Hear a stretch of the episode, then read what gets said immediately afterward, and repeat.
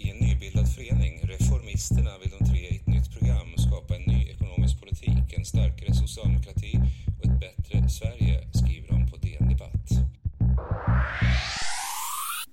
Hej och välkommen till det fjärde avsnittet av Reformistpodden. Hej! Hej Linn! Hej Sara! Gud vad vi, vi börjar alltid så nu. Ja, Det kommer bli vårt signum. Att vi är så, hej Linn, hej. Ja man kunde ha sämre, sämre signal Mm. faktiskt. Mm, verkligen. Hur mår du? Jag mår bra, hur mår du? Jag mår bra. Det är ju... När det här avsnittet släpps är det faktiskt nyårsafton. Det är det. Det känns extra festligt. Nu är det ju då inte nyårsafton.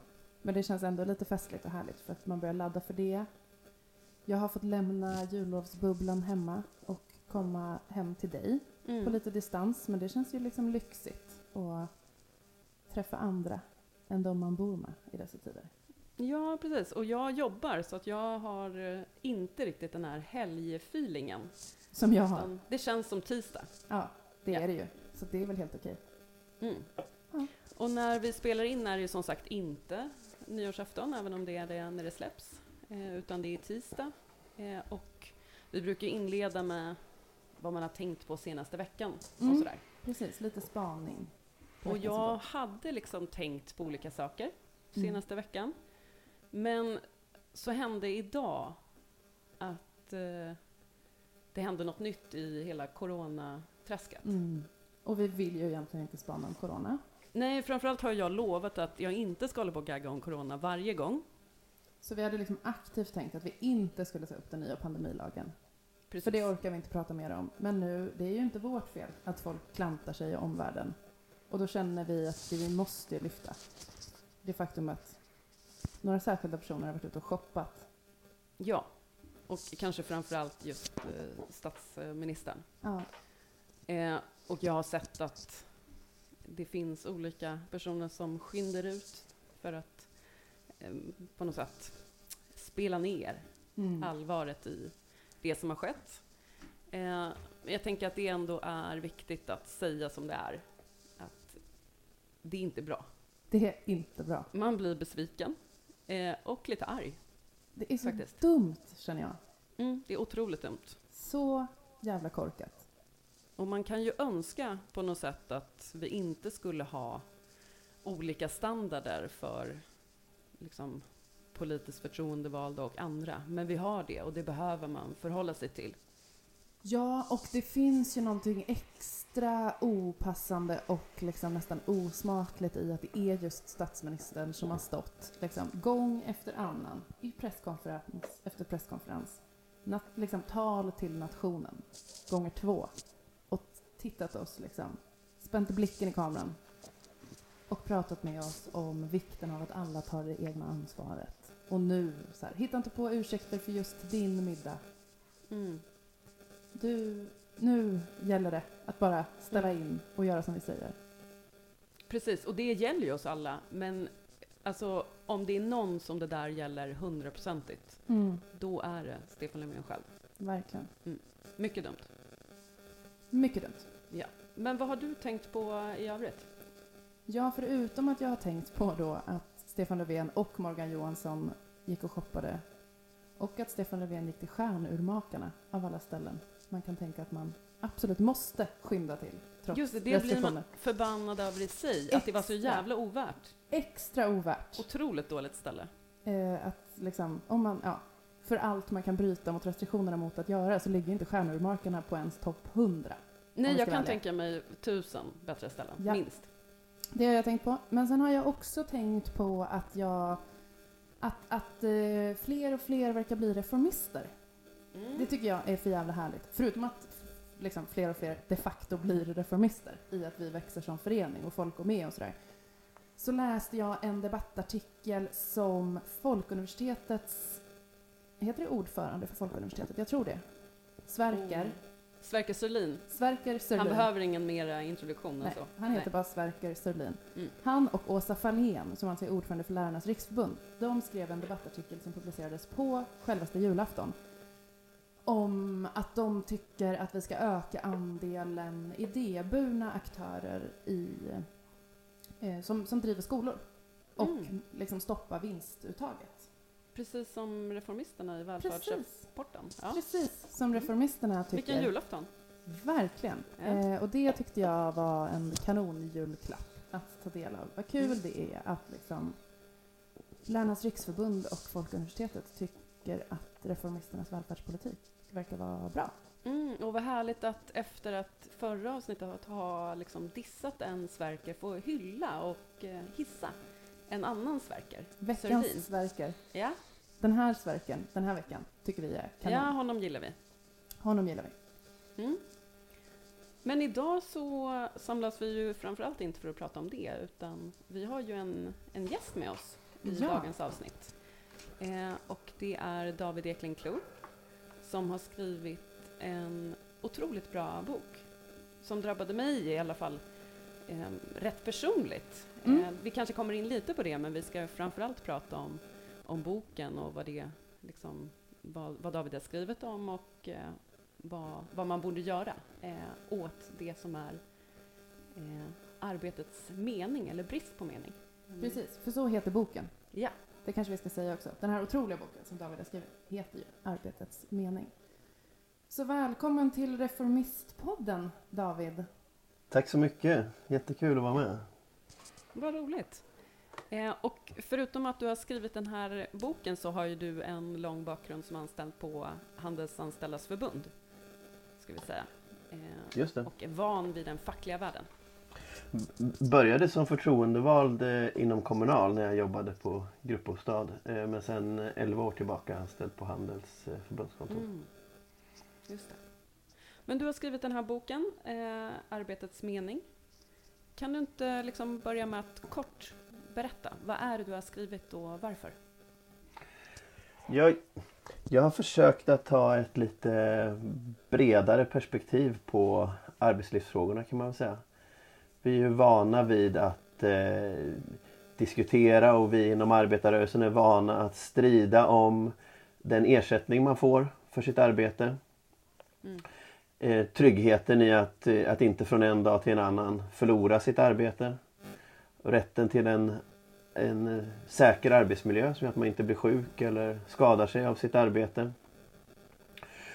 Det här är givetvis jätteviktiga frågor som det är, självklart att det, att det strider om dem så att säga. Men de har ju det gemensamt att vi så att säga sätter parentes runt frågan om vad det är vi gör på jobbet. Vi pratar om vilken ersättning man ska få för det man gör på jobbet. Vi pratar om omständigheterna kring det man gör på jobbet. Att man liksom inte ska bli sjuk av det och så vidare. Men själva det vi gör på jobbet. Det är inte i samma utsträckning föremål för en eh, politisk debatt och där finns det inte i samma utsträckning kollektiva strategier för att påverka så att det ska att man ska kunna uppleva att man gör något vettigt av sin tid helt enkelt och de ansträngningar man ägnar sig åt att de eh, leder till något bra. Mm. Och eh, till din hjälp för att skriva den här boken så det framgår ju att du och Arena Idé har gjort en, en undersökning med enkäter antar jag. Men du har ju också intervjuat eh, personer och du har jobbat med det här att samla underlag under en, under en längre tid. Mm. Eh, hur har det arbetet varit och vad, tar du, vad tar du med dig mest därifrån? Ja, det här är ett, det är ett projekt som eh, Handels och tankesmedjan Arena Idé har drivit tillsammans. Där jag eh, har varit eh, placerad på Arena Idé och jobbat med de här frågorna. Och precis som du säger Sara så har vi gjort en stor, med hjälp av Novus då, en stor enkätundersökning med drygt 2000 svarande. Vi både har frågat vad de gör på jobbet, liksom hur deras arbete ser ut och olika frågor om hur de ser på samhället, känsla av delaktighet, tillit till andra och så vidare. Ehm, men utöver det så har jag ju eh, dels läst en massa forskning förstås och pratat med forskare och så. Eh, men också då intervjuat människor helt enkelt om, eh, om deras arbete. Det är ett 40-tal personer som jag har pratat med om vad de gör om dagarna. Eh, och det är väl kanske det som jag tar med mig framförallt att så här, att det har funnits en sådan vilja att prata med mig om detta. Eh, och att även personer som eh, ja, människor som, knappt, som inte vet vem jag är. Liksom. Som när jag har gjort, kunnat göra efterlysningar på Facebook till exempel. Som folk har delat vidare i flera led så att det kommer till någon som inte har en aning om vem jag är. Skickar ändå ett meddelande att ja, men ring upp mig så vill jag berätta hur jag har det på jobbet. Eh, och att det förefaller finnas en eh, liksom uppdämt behov eller längtan efter att prata om de här sakerna. Trots att de Trots, trots denna längtan så upplever jag att de här frågorna inte får ta särskilt stort utrymme i liksom samhällsdebatten eller för den delen i populärkulturen. Eller så. Utan då handlar ja, I den mån arbete syns där, då är det ju de som liksom jobbar med det som de skulle göra även om de inte fick betalt för det. Som liksom jobbar med någon form av fritidssysselsättning. Eh, en verklighet som är ganska fjärran från hur många faktiskt har det. Mm. Mm. Just det. Men du, eh, vi kommer ju liksom, vi kommer göra flera liksom dyk ner i boken och de här berättelserna och vad vi har tagit med oss, jag och Sara och, och mer vad du tar med dig. Men om du skulle liksom försöka rama in de här 252 sidorna, som jag tror att det är om pdf-en räknade rätt. Eh, liksom vad, vad, hisspitchen för liksom, vad är det här och vad landar boken i? Och vad, vad tar den liksom, vad tar den upp? Ja shit, jag, jag blir stressad bara jag hör ordet hisspitch. Så jag ska... Ja, förlåt. ska försöka. Eh, summering. Ja, det, det, man blir automatiskt så stressad när man tänker på det här hur hissen åker våning för våning och nu måste du ha eh, nått till punkt innan du kommer ner på bottenplan. Ehm, Inte stoppa dig David. Kör igång. Nej, det är schysst. Eh, nej men. Det finns ett genomgående problem. Eller jag ska säga så här. Det finns ju massa människor som har det bra på jobbet. Massa människor som upplever att de gör vettiga saker på jobbet. Upplever att de utvecklas av det de gör. Att de får växa som människor och bli bemötta med respekt och så vidare. Men det finns också många människor som inte upplever det på det sättet. I den här enkätundersökningen som vi har gjort så är det ju en drygt var tredje som svarar att arbetet, bortsett från lönen, inte bidrar till att göra deras liv bättre. 20 procent svarar att det varken gör livet bättre eller sämre. Och 16 procent att det rent av gör deras liv sämre. Mm. Och en väsentlig del i detta är ju att eh, demokratin till stora delar gör halt när man kliver in på arbetsplatsen. Att i hu- hur mycket vi än slår oss för bröstet över liksom de, att vårt samhälle ska präglas av demokratiska principer och att, att eh, allt liksom beslutsfattande som rör oss alla ska, ska ske genom demokratiska eh, processer. Så upphör ju det att gälla till stor del när vi kliver in på arbetsplatsen. Där är det arbetsgivaren som leder och fördelar arbetet. Eh, och den här erfarenheten av att eh, ha en högst begränsad möjlighet att påverka eh, sitt arbete. Eh, den är ju i- i sig eh, nedslående så att säga. Att inte bli eh, lyssnad på. Och den gör också att man att många arbeten organiseras på ett irrationellt sätt så att man i mycket större utsträckning än man hade behövt göra eh, till exempel ska utföra enkla eh, uppstyckade arbetsmoment eller att man måste utföra arbetsmoment som egentligen inte för verksamheten framåt utan det är bara för att någon har bestämt det eller att man eh, inte, inte organiserar arbetet på sådant sätt att det, att det blir en naturlig arbetsgemenskap utan att människor blir isolerade från varandra trots att de inte hade behövt vara det. Eller för den delen att man inte upplever att själva slutresultatet med, eh, av ens arbete är något som berikar världen, gör världen bättre.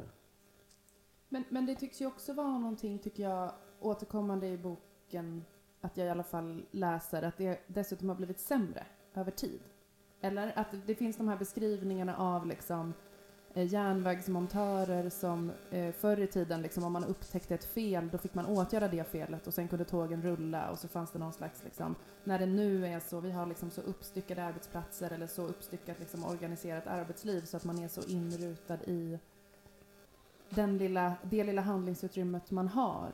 Eh, skulle du säga att den beskrivningen gäller liksom arbetslivet generellt då? Att den här, eh, det här liksom kuggen i maskineriet-rutan som, som många befinner sig i? Har det blivit värre? Jag tror att det är svårt att ge något säkert svar på den frågan. Eh, det, det, finns ju liksom Hur ska man mäta det då liksom? Eh, om, om, man tittar på de utbildningskrav som ställs för att få arbete eh, som ju är ett sätt att mäta kvalifikations hur pass kvalificerat ett arbete är. Då krävs det ju högre och högre utbildning för att få arbete i Sverige. Samtidigt så är det så att befolkningens utbildningsnivå har höjts snabbare än, än utbildningskraven för att få jobb. Så mm. överutbildningsproblematiken har vuxit trots detta. Dessutom är det inte självklart att man för att utföra ett arbete behöver ha samma kunskaper som krävs för att få arbete. Det kan ju också vara så att arbetsgivarna om det nu finns väldigt högutbildad arbetskraft att tillgå så smäller de till och liksom, ja, men då vill jag ha den som är bäst utbildad även om det sen inte behövs för att utföra arbetet. Men det finns ju definitivt människor på svensk arbetsmarknad som eh, i allra högsta grad har jobb där de liksom blir lyssnade på, tagna på allvar och, och där arbetsgivare förväntar sig att de ska bidra, ta egna initiativ och ha idéer om hur man kan förbättra verksamheten och så vidare. Men samtidigt så finns det eh, andra delar av arbetsmarknaden och det är inte nödvändigtvis så att man liksom Det är ganska spritt liksom över olika delar av arbetsmarknaden. Att vissa yrken, vissa eh, Det kan nog rent av handla om vissa företag eh, i vissa fall. Eh, som organiserar sin verksamhet på ett sådant sätt att, eh, att arbetet utarmas helt enkelt. Och det är flera som vittnar om det i boken att de, deras personliga upplevelse är att arbetet att deras eget arbete över tid har blivit sämre till innehållet. Ja, men jag tror att det finns ett par saker att liksom vara uppmärksam på, uppmärksam på här. Och dels så handlar det om effekter av eh, automatisering och digitalisering. Där man inte på något sätt kan ta för givet att det blir så att maskinerna tar över de enklaste arbetsuppgifterna medan det blir de komplexa arbetsuppgifterna som blir kvar åt människorna. Utan det finns också exempel mm. där eh, där det är tekniken som styr människan istället för människan som styr tekniken så att säga.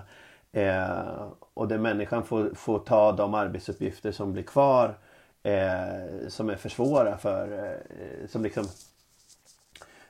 som inte nödvändigtvis är mer komplexa för en människa men som är svåra att automatisera och att det blir därför som de eh, blir kvar. Så där, det kan man ju se ex exempel med Karin som eh, finns med i boken här som jobbar på ett lager och går med hörlurar eh, på sig där en robotröst styr vad hon ska plocka eh, på mm. arbetet. Det, det, är ju en effekt av automatisering och, och, och, robotisering att hennes arbete har blivit väldigt enahanda på det sättet. Och en annan aspekt är ju det här med New Public Management där eh, vad som enkelt kan mätas styr vad människor ska göra istället för vad som ger eh, bäst effekt och så.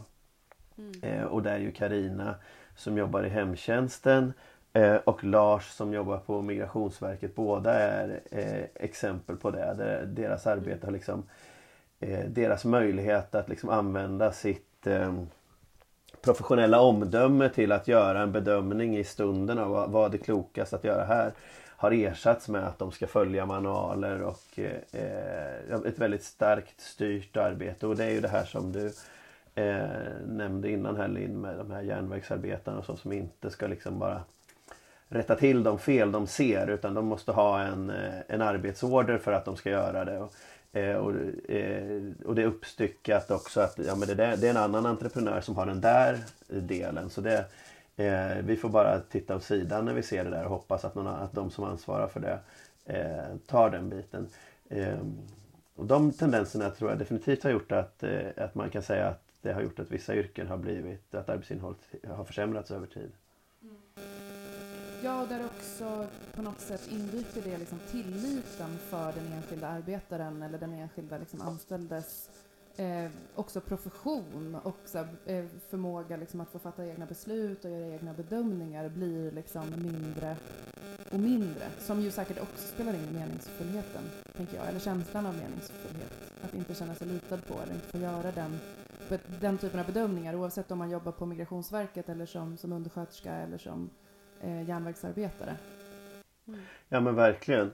Eh, så är det ju verkligen att det är liksom arbetsgivaren eh, säger till en är att jag är inte intresserad av hela din person utan du, ska bara, du är bara här för att utföra de här eh, strikt definierade arbetsuppgifterna.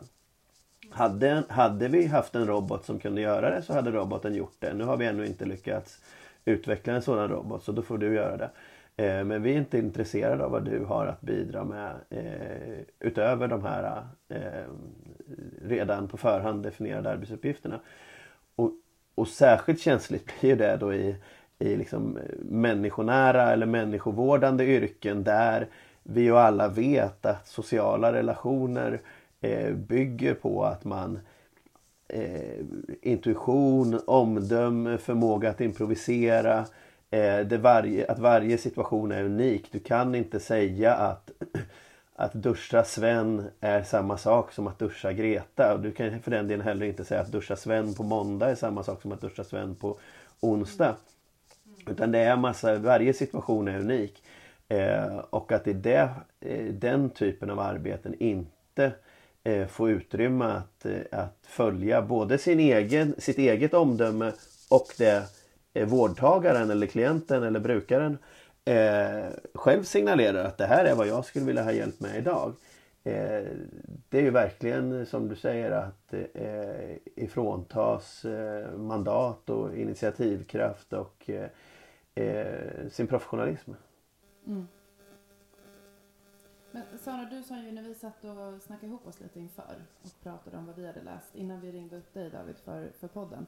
Så mm. pratade ju du lite om din igenkänning i Lars och Lars är ju då en av, av Davids eh, liksom, fingerade namn eh, på en person som jobbar på Migrationsverket i det här fallet.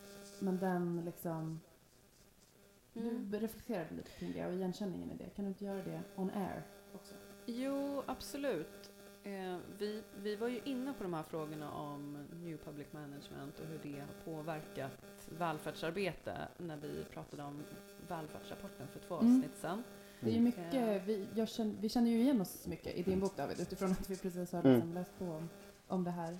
Eller så, ja, varit inne i den svängen i föreningen liksom, med rapporten. Men, mm. Mm. mm. Och där, alltså jag känner igen delar, som liksom välfärdsarbetare känner jag igen delar av det i mitt eget arbete och framför allt kanske som större trender. Jag kan inte säga att jag känner igen mig helt och hållet i Lars uh, arbetsvardag, uh, utan Tvärtom så jobbar jag väldigt mycket i just det sociala arbetet. Mm. Men jag är ju en del av en organisation som som helhet eh, har drabbats, eller man ska säga, av eh, de här eh, trenderna.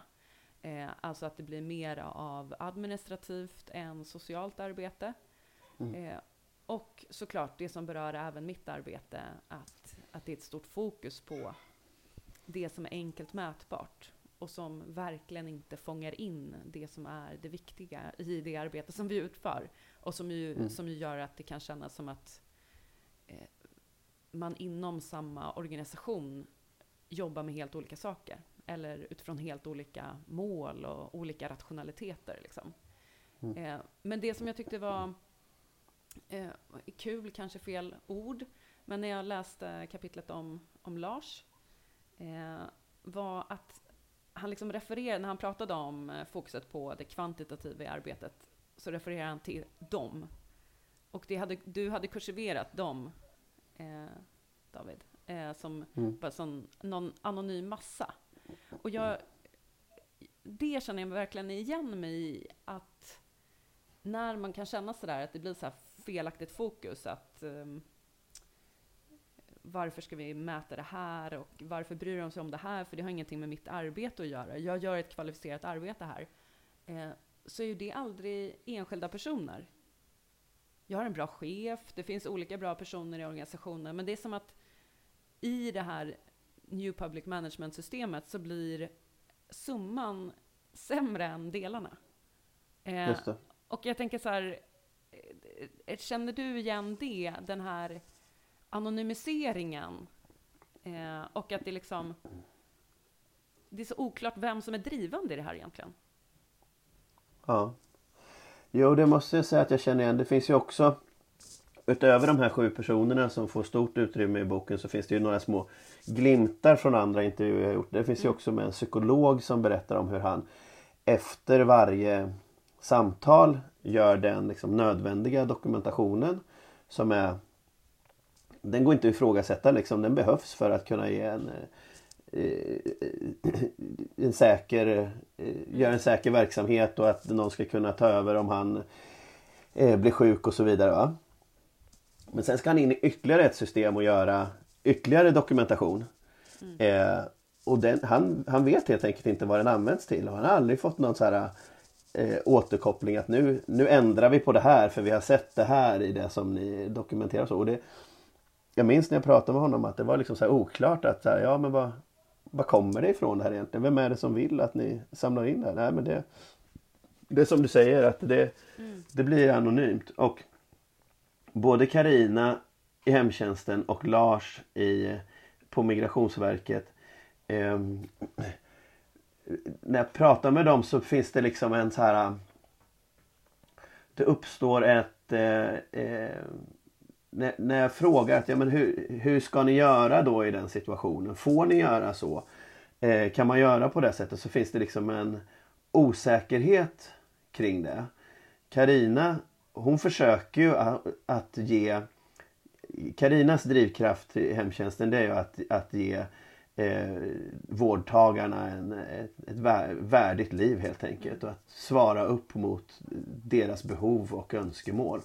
Vilket gör att hon ibland tänjer på de arbetsinstruktioner hon har för att istället kunna göra det som hon tycker är eh, ser att är det som behöver göras i stunden och hon också kastar om själv sitt schema, går till vårdtagaren i en annan ordning än, än det står på schemat hon får och så. För hon vet att det, för den här personen behöver man komma tidigt och den här personen är det bättre om man kommer lite sent. så. Mm.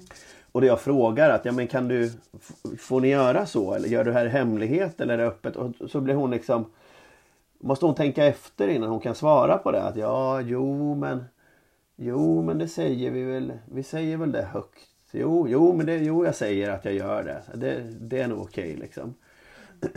Och samma sak med Lars, att han jobbar ju på Migrationsverket som sagt var. Eh, tidigare med anhöriginvandring och nu med arbetskraftsinvandring. Och hans berättelse är ju att man tidigare träffade de sökande i betydligt större utsträckning, gjorde intervjuer med dem. Nu utgår man från en skriftlig ansökan. Tidigare formulerade man själv besluten i betydligt större utsträckning. Nu klipper och klistrar man ur en databas färdiga eh, formuleringar. Så med att arbetet har industrialiserats kan man väl säga egentligen. Eh, samtidigt så är ju Lars personligen ansvarig för de beslut han fattar. Eh, det är han som skriver under besluten. Så han har ett, han har ett mandat han har ett mandat att gräva så djupt som han måste gräva. För att kunna fatta rättssäkra beslut.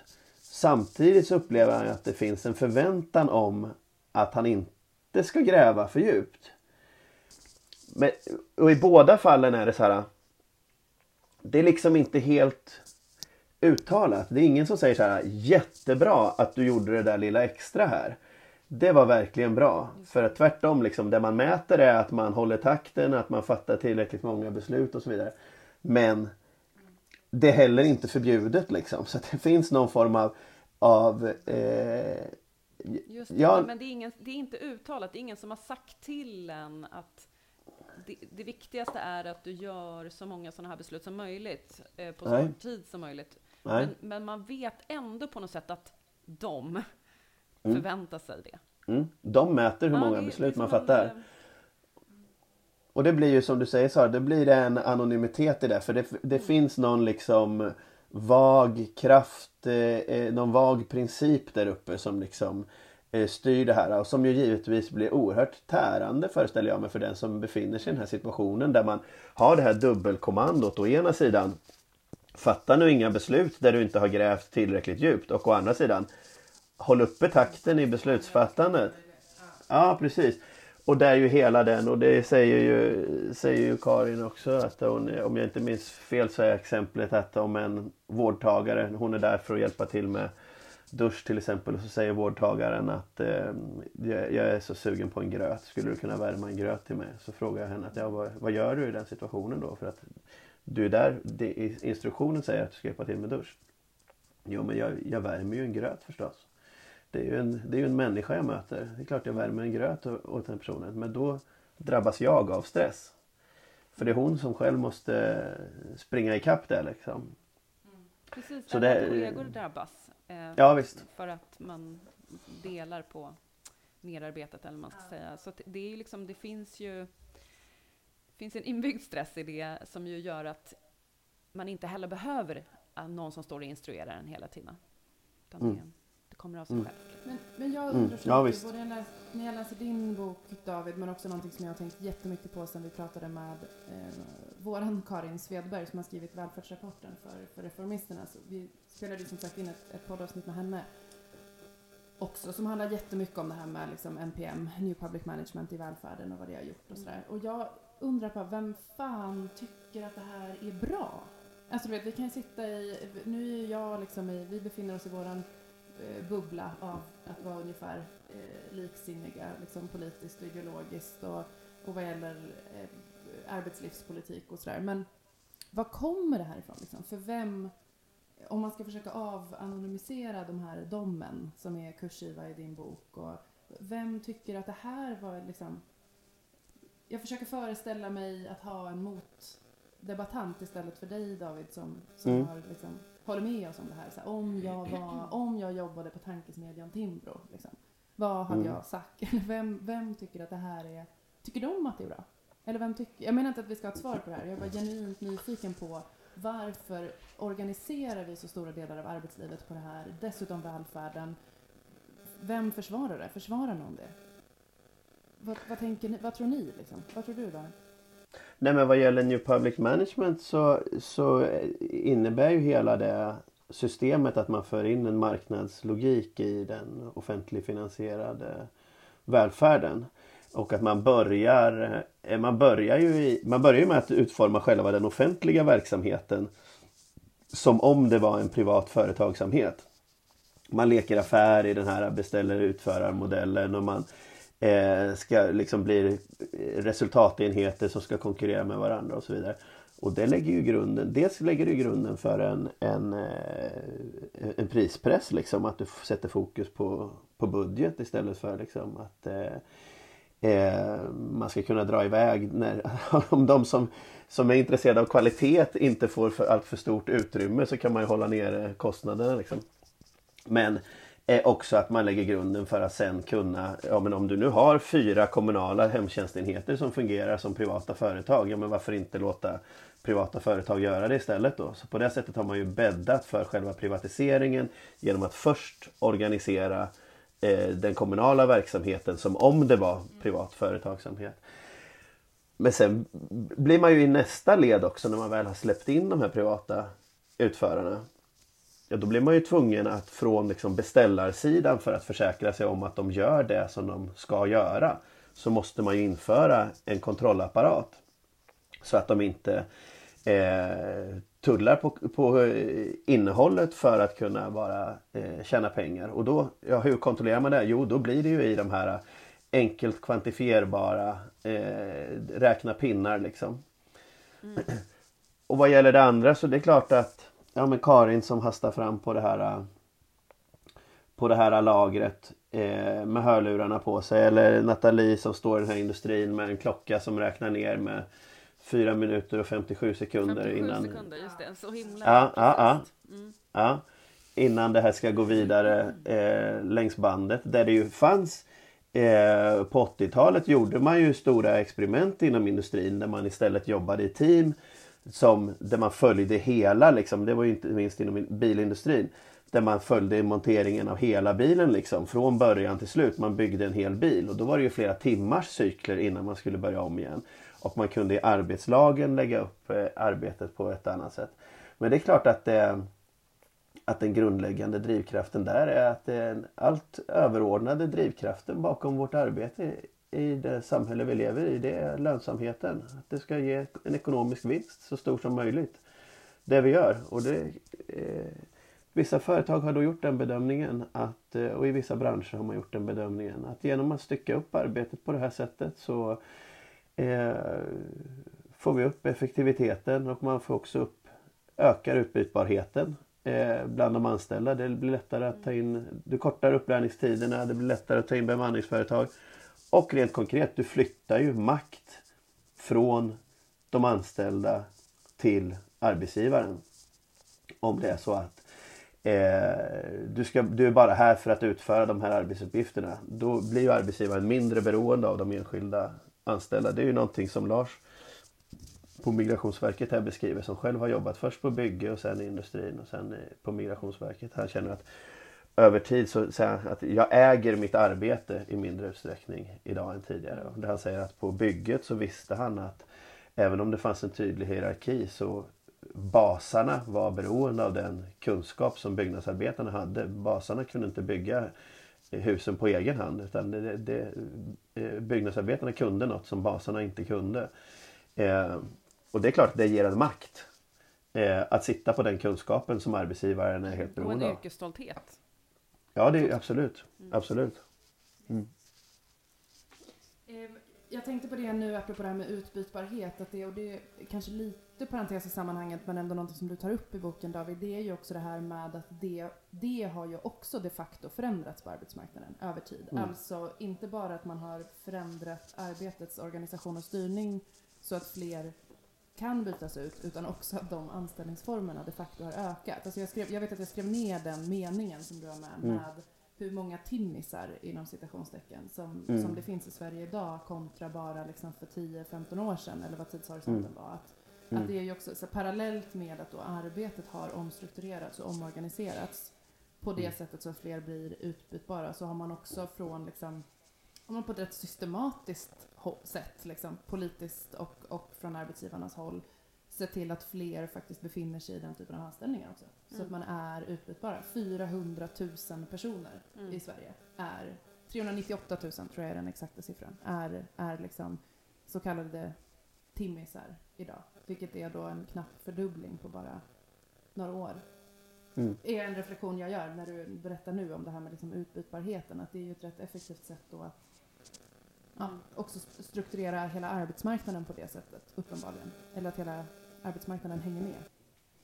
Och så ska du till det då addera hur användningen av bemanningsföretag också har ökat Visst. över tid. Visst. Mm. Och F-skattare, egenföretagare Mm. som, som sen Maud Olofsson som arbetsmarknadsminister, tror jag, tog bort Mm. kravet på att det skulle Mm. vara Förut var man ju tvungen att ha två eh, uppdragsgivare som egenföretagare Just det. för att vara Mm. egenföretagare och det kravet togs Mm. bort så att nu behöver man bara vara en och det gör Mm. att folk i praktiken är anställda eh, eller verkar som anställda men, men inte, Mm. inte är Utan rättigheter. Precis, utan rättigheter. Och pensions Och pension. Och kollektivavtal och Mm. semester Mm. och sjuklön och sånt där annat. Gött är gött. Ja, man, man tar hela risken själv. Och, och de här sakerna hänger ju ihop givetvis. För det är klart att personer som har en fast anställning och vet att de inte kan, eh, kan förlora jobbet hur som helst. De har ju helt andra möjligheter att, att gå upp till chefen och säga att du, nu, tyck, nu tycker jag det här börjar, börjar bli trist här. Vi har ju, jag har ju stått och gjort samma saker i flera år här nu. Är det inte möjligt för mig att få liksom lite pröva något lite annat här och få lite utveckling i det här. Eller för den delen gå upp och säga att att vi, vi vill vara med och vi vill ha lite mer att säga till om här. Och, ja, bara det att organisera sig fackligt vet vi ju att det finns en stor skillnad mellan de som är tillfälligt anställda och de som är fast anställda. Så det är klart att med den här ökade eh, helt befogade rädslan att eh, inte få komma tillbaka imorgon eh, så har ju folk också i betydligt större utsträckning fått, även vad gäller arbetets innehåll, eh, acceptera vad de, eh, vad de blir liksom tillsagda att göra. Mm, och där blir det ju också, eftersom att eh, alltså fördelningen av de här timmisarna är ju inte jämn över olika branscher, utan det är ju koncentrerat till vissa branscher. Eh, och Mm. man kan ju också se då liksom avseende kön, men också ålder och så, eh, en, en skillnad.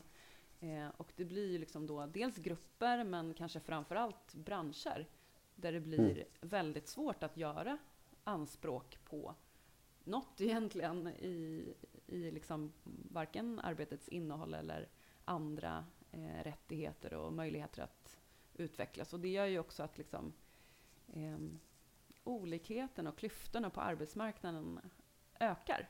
Och jag tänker att Mm. du skriver om det i boken, eh, David, att man ofta pratar om insiders och outsiders. Mm. Just eh, avseende personer som är arbetslösa och ställda liksom utanför arbetsmarknaden. Men att man, man är ganska ointresserad ofta i debatten av eh, liksom personer som finns på arbetsmarknaden men in, liksom saknar inflytande och inte ser mening i arbetet och allt det här. Att det, det, liksom, Mm. De skulle ju också kunna beskrivas som outsiders, men får ju aldrig synas egentligen i debatten.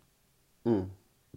Jag tror att LO i en rapport kallar det för liksom en instabil arbetsmarknadsposition och så. Det finns en, en, ett mellanförskap liksom här. Mm. Eh, de, som är, eh, de som är inne men inte, men inte har kunnat, inte står stadigt eh, där inne liksom. Inte kunnat sätta ner foten ordentligt där inne. Och jag har funderat på det varför det har varför det, liksom den har blivit så alla de här frågorna som vi pratar om nu de kan man ju liksom föra en eh, kritisk diskussion om ur perspektivet kvaliteten på produkten som kommer ut ur arbetet. Och det är kanske inte minst då vad gäller New Public Management. Man kan diskutera det ur perspektivet ger det här brukarna och oss medborgare eh, den bästa välfärden. Ur, ur det perspektivet kan man kritisera det. Eh, men jag, vad jag försöker liksom addera med den här boken det är att även kunna titta på sådana här processer utifrån hur är det att ha de här jobben? Eh, hur påverkar det här oss? Det, det blir väldigt märkligt om vi ska göra en sån distinktion att så här, det enda som är viktigt är att produktionen blir mer effektiv. Om, så länge vi producerar mer eh, per arbetad timme och, och får ner priserna på konsumtionsvaror så att vi kan handla mer och så vidare. Då ska vi vara nöjda. Även om det är till priset av att vi 40 timmar i veckan far illa. Liksom. Men jag är ju precis samma person när jag befinner mig på arbetsplatsen som jag är eh, i övrigt. Så Jag tycker att det perspektivet måste eh, adderas när vi utvärderar hur, hur väl fungerar produktionen i vårt samhälle. Då måste vi både titta på vad är outputen av produktionen men vi måste också titta på när vi är i produktionen, hur mår vi då? Vad, vad gör det med oss? Hur kommer vi till vår rätt då? Och då tror jag att en, en orsak till att vi har att vi faktiskt pratar mindre om de här frågorna som har med arbetets innehåll att göra idag än vad man gjorde på 70 och 80-talet. Eh, är att den här, eh, inte minst då vad gäller det, de senaste 15 åren sedan Reinfeldts succé eh, så har vi liksom köpt och även vi i arbetarrörelsen i för stor utsträckning köpt den här föreställningen om att eh, antingen, antingen är du utanför eller så är du innanför. Eh, det, det, det, det, det finns en, det finns en eh, gräns som går genom arbetsmarknaden och det är mellan de som har ett jobb och mellan de som inte har ett jobb. Och det, eh, det, det politiken ska inriktas på är att människor ska få kliva över den gränsen. Vilket ju har, då har landat i den här eh, alla jobb är bättre än inget jobb eh, doktrinen som är liksom härskande. Och givetvis måste arbetarrörelsen alltid prioritera att bekämpa arbetslösheten. Det är inte på något sätt det jag säger att man, att man ska prioritera ner det. Det är, det är jätteviktigt. Men, men precis som det är så att eh, nivån på arbetslösheten påverkar kvaliteten i, på jobben. Så att även de som har jobb, att det även ligger i deras intresse att liksom korta kön av människor som står utanför och, och knackar på och säger att jag kan göra det där jobbet billigare. Så måste vi också se det från det andra hållet. Att om det är så att en människa som går från arbetslöshet till att få ett jobb faktiskt ska kunna lägga bakom sig de nedbrytande erfarenheterna av arbetslösheten då krävs det också att arbetet till sitt innehåll är eh, stimulerande. För arbetslösheten det är givetvis nedbrytande så tillvida att, att den drabbar ens försörjning.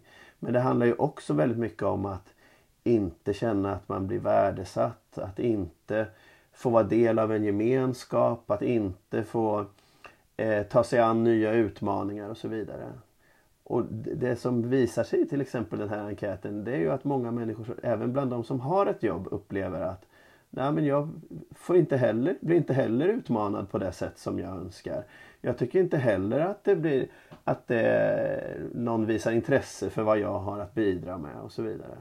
Och i vissa fall är det ju till och med så att man inte känner att man är en del av en gemenskap genom sitt arbete. Vilket ju är ett av de absolut viktigaste värdena med eh, arbetet. Att bli del av en produktiv gemenskap där man gör saker tillsammans. Men också eh, en, en sån grej som jag tog med mig jättemycket från boken är ju det här hur bland de här eh, människorna som känner att de inte bidrar eller inte är en del av liksom något meningsfullt sammanhang eller hur det är formulerat så, så finns det liksom en direkt korrelation mellan den gruppen och att inte ha jag kommer inte ihåg formuleringen, men liksom en ljus syn på samhället eller på framtiden. Eller att det liksom finns ett, mm. samband, det finns ett samband mellan att, att tillhöra gruppen som inte känner meningsfullhet på jobbet och liksom känna hoppfullhet och tilltro till samhället på något vis. Och det tänker jag också är en sån otrolig uppgift för arbetarrörelsen, apropå liksom hur vi ska organisera oss och för vad och sådär. Att, att det, det är ju också en, en parameter av den här insider-outsider diskussionen. Att det, alltså, att det skulle vara liksom eh, folk som känner sig från, från sprungna liksom, samhället eller tillhör liksom, eh, eh grupper som, som tycker att Ja, men vad vet jag liksom. Ens glesbygdsby har blivit utarmad och liksom, det finns en politisk elit någon annanstans som vill någonting annat och inte ser verkligheten och sådär. Som vi liksom kan beskriva kanske väljargrupper inför val eller liksom eh, folk mm. vi behöver organisera i våra fackföreningar. Som att, mm. och, och där tänker jag att den här dimensionen också är så tydlig i att liksom eh, det kanske inte är liksom arbetslösa som du säger utan att det också är de här 16 procenten som tycker att arbetet direkt försämrar eller mm. den här mm. gruppen som, som inte tycker att man är meningsfull. Att det också så starkt hänger ihop med övrig tilltro och, och hoppfullhet liksom i, till samhället. Mm. Ja precis. Det, vi är ju många som eh, liksom har kliat oss i huvudet över eh, att många känner den här eh, vad ska jag säga, känner sig lämnade utanför. Eh, att man inte blir lyssnad på, tagen på allvar och delaktig och så vidare. Eh, som vi ju vet får stora politiska och, och, sociala konsekvenser. Att vad är det för mekanismer som ligger bakom att vissa människor känner på det sättet och de som känner så, vad, vad har de gemensamt liksom? Och det är som du som du säger Linn, man har tittat på det med liksom arbetslöshet och man har tittat på risk för arbetslöshet. Man har tittat på kön givetvis. Eh, storstad, eh, mindre städer, glesbygd och så vidare. Och vad den här undersökningen, vi har ställt fem frågor här. Eh, eh, känner du dig delaktig i samhällets utveckling? Eh, känner du dig lyssnad på av de som har makten i samhället? Tycker du att Sveriges demokrati fungerar på ett sätt som gör att folkets vilja styr? Eh, tycker att man i allmänhet kan lita på människor eh, och känner att människor har respekt för det du gör och det du kan. Eh, och då ser vi ju att genomgående i de här frågorna så är det så att de som oftare upprepar samma arbetsmoment om och om igen, de som upplever att de har för enkla arbetsuppgifter, de som eh, har för lite att göra på jobbet, de som inte ingår i en gemenskap med andra människor i sitt arbete, eh, de som eh, ofta måste utföra arbetsuppgifter som egentligen inte behövs. Utan bara för att någon har bestämt det. Eh, de som inte upplever att deras arbete bidrar till att göra världen bättre. Och de ger också mer negativa svar på de här frågorna om hur delaktig man känner sig och hur Sveriges demokrati fungerar och så vidare. Så det är, det är ytterligare en sak som de personerna har gemensamt. Att man har ett, ett mer eh, ja, ett, ett bristande arbetsinnehåll. Eh, och sen kan inte den här undersökningen slå fast att det är ett orsakssamband men vi kan se att det är någonting som, eh, som eh, förenar den gruppen. Eh, och det, det, det är ju inte så märkligt.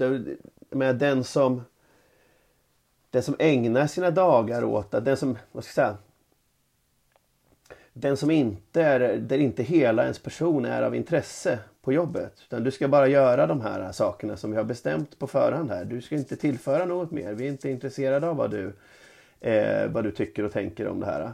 Ja, den är ju de facto mindre eh, delaktig i samhällets utveckling än den som 40 timmar i veckan är så här eh, ta egna initiativ, bidra, utveckla verksamheten. Eh, sätt din prägel på det vi gör här. Den som inte eh, får, får inflytande över sitt arbete och inte får vara med och påverka, ja den lever ju de facto i ett mindre demokratiskt samhälle än den som får vara med och utforma sitt arbete. Vi kan inte, jag tycker vi har en tendens att liksom eh, precis som vi delar upp oss själva i liksom konsumenter och eh, eh och eh, arbetstagare så delar vi upp eh, samhället i samhällslivet och arbetslivet. Och det vi på något sätt kan säga så att ja, men samhällslivet är eh, att, vi, att vi ska kunna bedöma ja, att vi ska kunna bedöma hur samhällslivet fungerar utan att behöva titta på hur arbetslivet fungerar. Eh, trots att ju vad vi gör i vårt arbete, ja men det är väl kanske det som tillsammans med vad vi gör i, i, i liksom barnuppfostran och den typen av relationer sätter mest, störst prägel på vad det egentligen är för samhälle vi lever i. Mm. Och ändå sätter man liksom, tycker man att ja, men det där kan vi sätta åt sidan. Det kan vi prata om i, i ett annat rum eller vid ett annat tillfälle. Mm. Men jag tänker på David också som jag funderade mycket på när jag läste boken. I vi har ju, det är så lätt att tänka nu när vi pratar om och när jag hör dig att det är klart att vi måste tänka mer på det här i våra rörelser, liksom, i mm. fackföreningar, i, eh, i partiet, i partiets olika föreningar. Det är klart att vi ska ta till oss om, av det. Men, men jag känner samtidigt att en del av mig undrar, inte minst för att jag kommer, jag jobbar ju på, på Byggnads och kommer ju från en, eh, liksom att känna en arbetsmarknad där faktiskt jag tror att vi har ovanligt mycket inflytande fortfarande över liksom hur arbetet är utformat utifrån berättelserna som du drar från byggarbetsplatser och som eh, ja, men det här med, med att vi fortfarande har ganska mycket institutionaliserat fackligt inflytande över hur man jobbar ute i arbetslagen. Mm. Kanske på ett sätt som är unikt jämfört med andra branscher. Men, men också för att det är en bransch där så basala saker som att liksom komma levande hem från jobbet fortfarande är en stridfråga. Eller så här, det är mm. fortfarande någonting vi liksom lyfter när vi sitter i avtalsförhandling.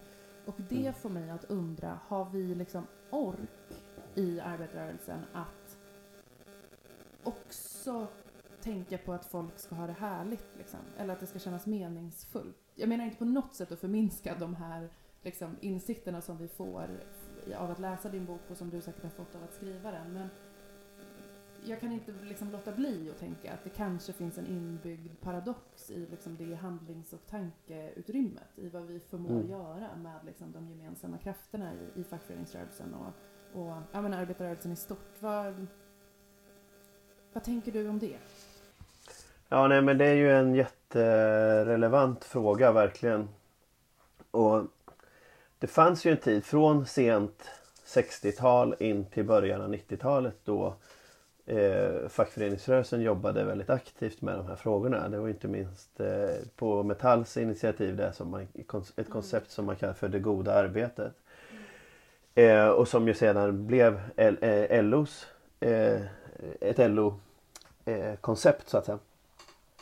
Och där också eh, det fanns ett politiskt intresse och det, från eh, akademin fanns ett stort intresse för de här frågorna. Från kulturvärlden och så vidare.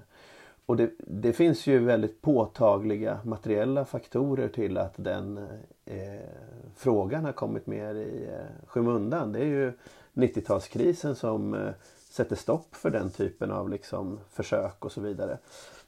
Med en hög arbetslöshet så blir ju Dels så blir eh, arbetsgivarna arbetsgivarnas intresse när de kan välja och vraka. Alltså, tidigare när det fanns en arbetskraftsbrist i, i vissa fall, då fanns det ett intresse för arbetsgivarna att eh, vi måste behålla kompetens. Vi måste, och då räcker det inte med att erbjuda lön utan då måste det vara man erbjuda arbeten som är, är, är intressanta till innehållet.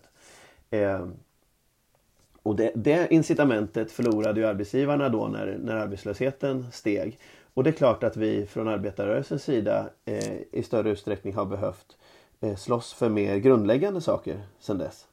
Eh, att försöka komma tillbaka till full sysselsättning och att eh, eh, värna eh, anställningstryggheten som vi ju vet har, har blivit sämre eh, över tid. Att upprätthålla eh, reallöneutvecklingen och så vidare.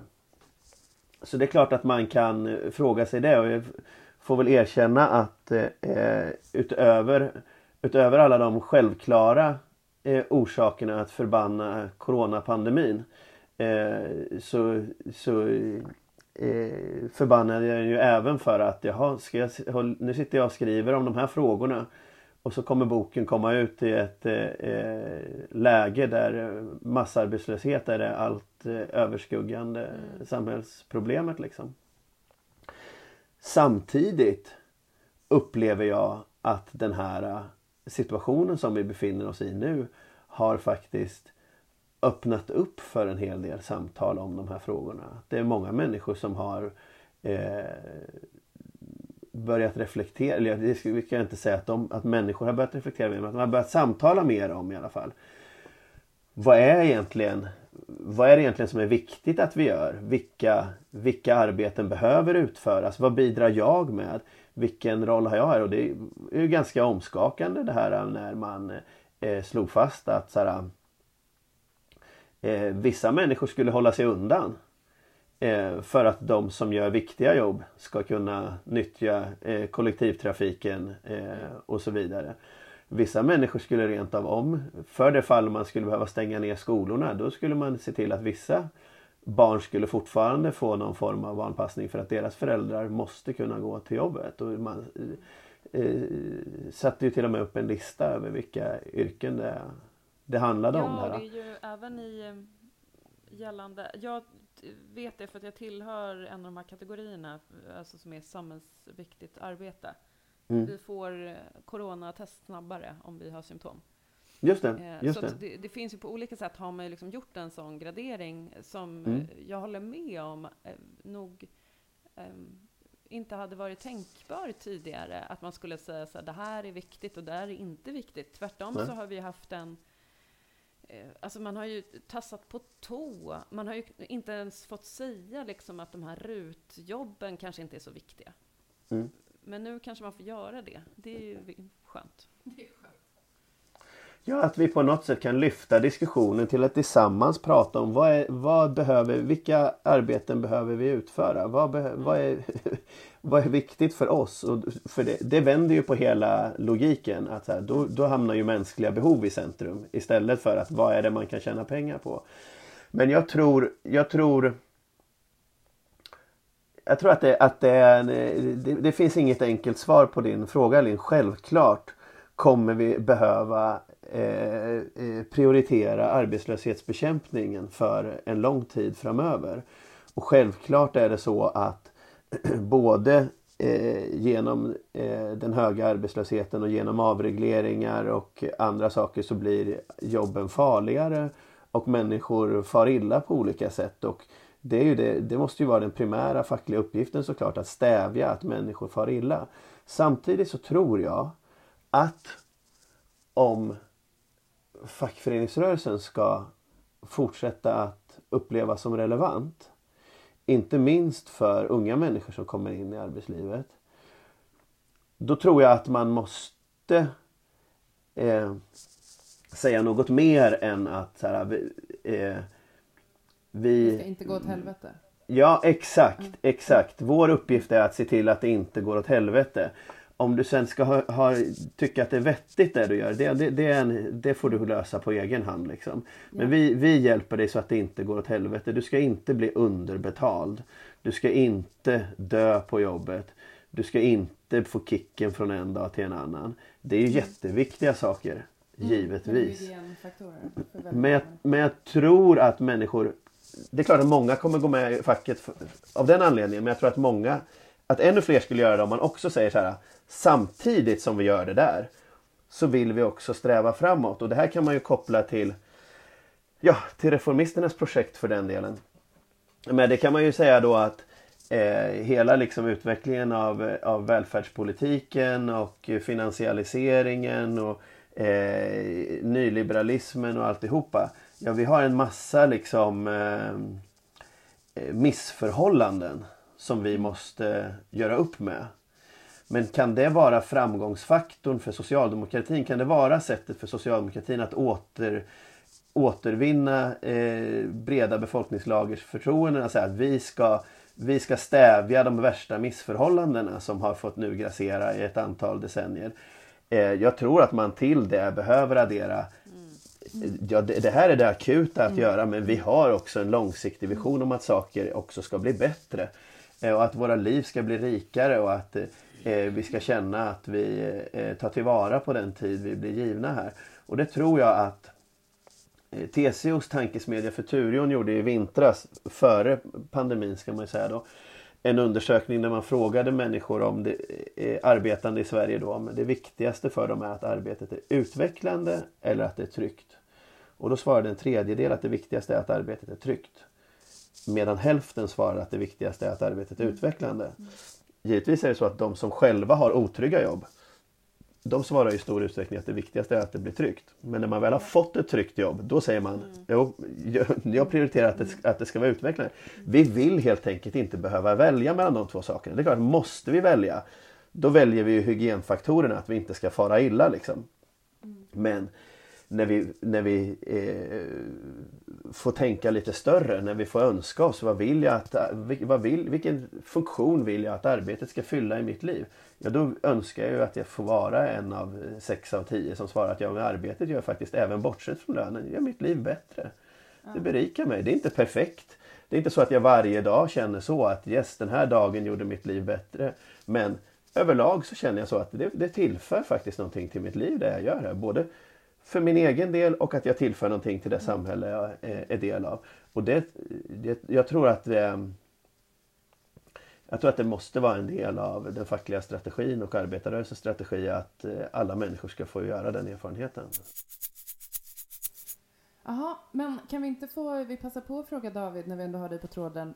Eh, vi eh, har ju, vi som är vi reformisterna, som S-förening, mm. mm. tycker och tänker lite mm. grann om mm. eh, mycket.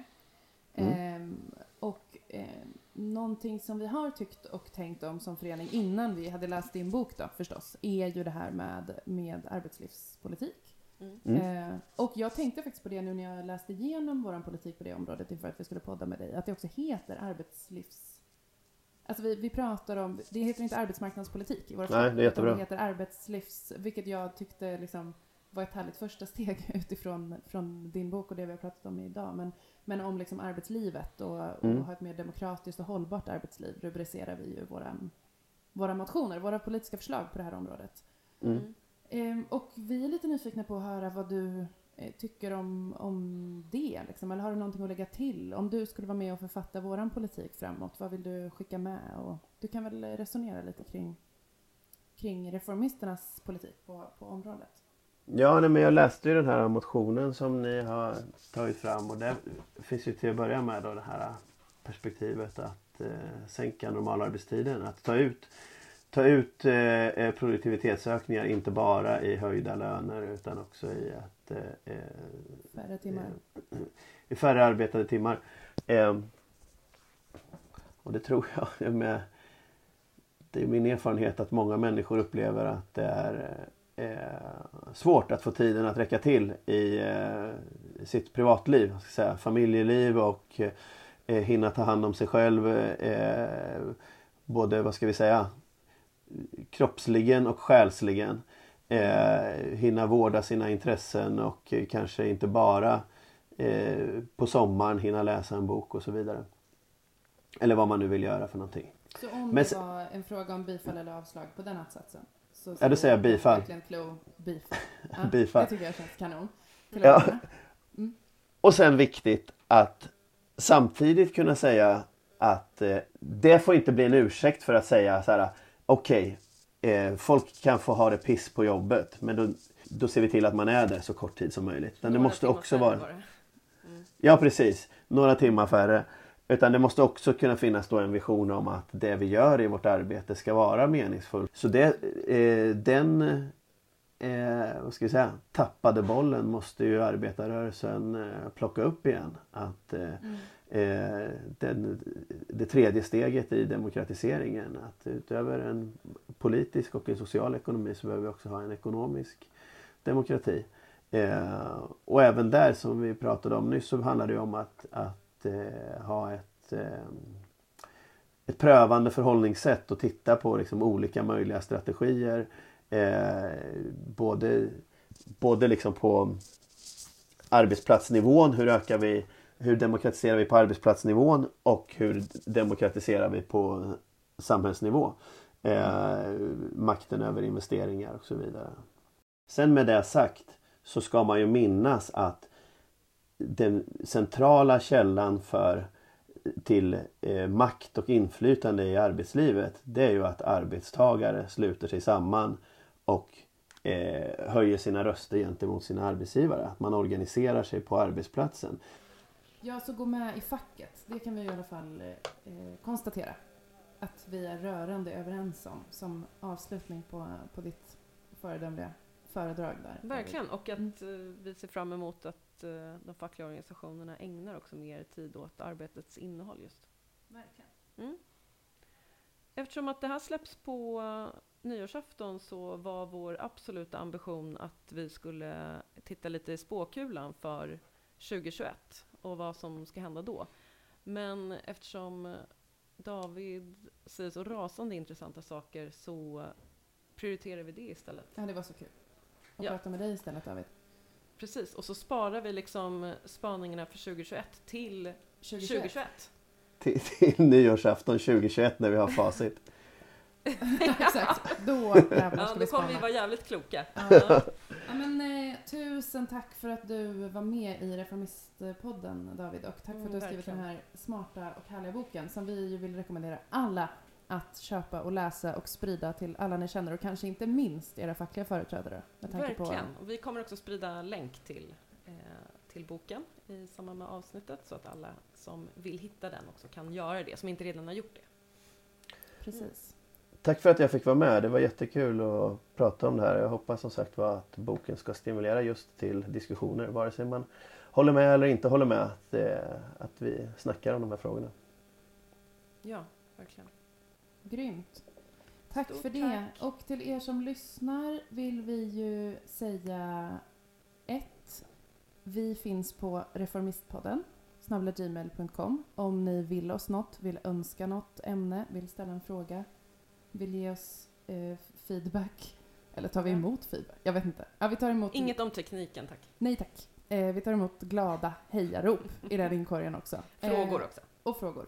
Och så vill vi jättegärna att ni som lyssnar och gillar att lyssna eh, klickar på följ Reformistpodden eller recensera eller sådär. Ja, Ja, där man, Så. där man liksom följer podden. men precis, Ja. där man lyssnar. För då hittar fler hit. Och sen kan vi väl också säga då som punkt två på lyssnarlistan, gott nytt jävla år. Ja, nu lämnar vi det här skitåret bakom Och oss. sen tycker jag aldrig att vi ska prata mer om det. Nej, När vi har bara lämnat stryker 2020, ett streck. Det kommer vara en sån här, eh, det året som inte får nämnas vid namn Ja, grej.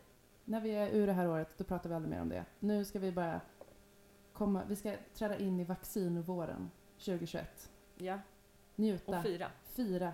Det kommer bli sån här Kungsgatan-fir som det Ja. blev när andra världskriget var slut. Vi ska bara vara ute och Precis. kramas. Ja, då kan Ta vi ses varandra. David. Det ska bli härligt. Då kan vi kramas och prata Ja. om eh, alienation. Det ser jag fram emot. Det blir härligt. IRL. Ja, men eh, Gott nytt år alla reformister och ni andra, om ni mot förmodan inte är reformister, gå med. Vi ses på andra sidan. Det gör vi. Tack för idag. Ha det fint. Tack för idag. Hej då. Hej. hej.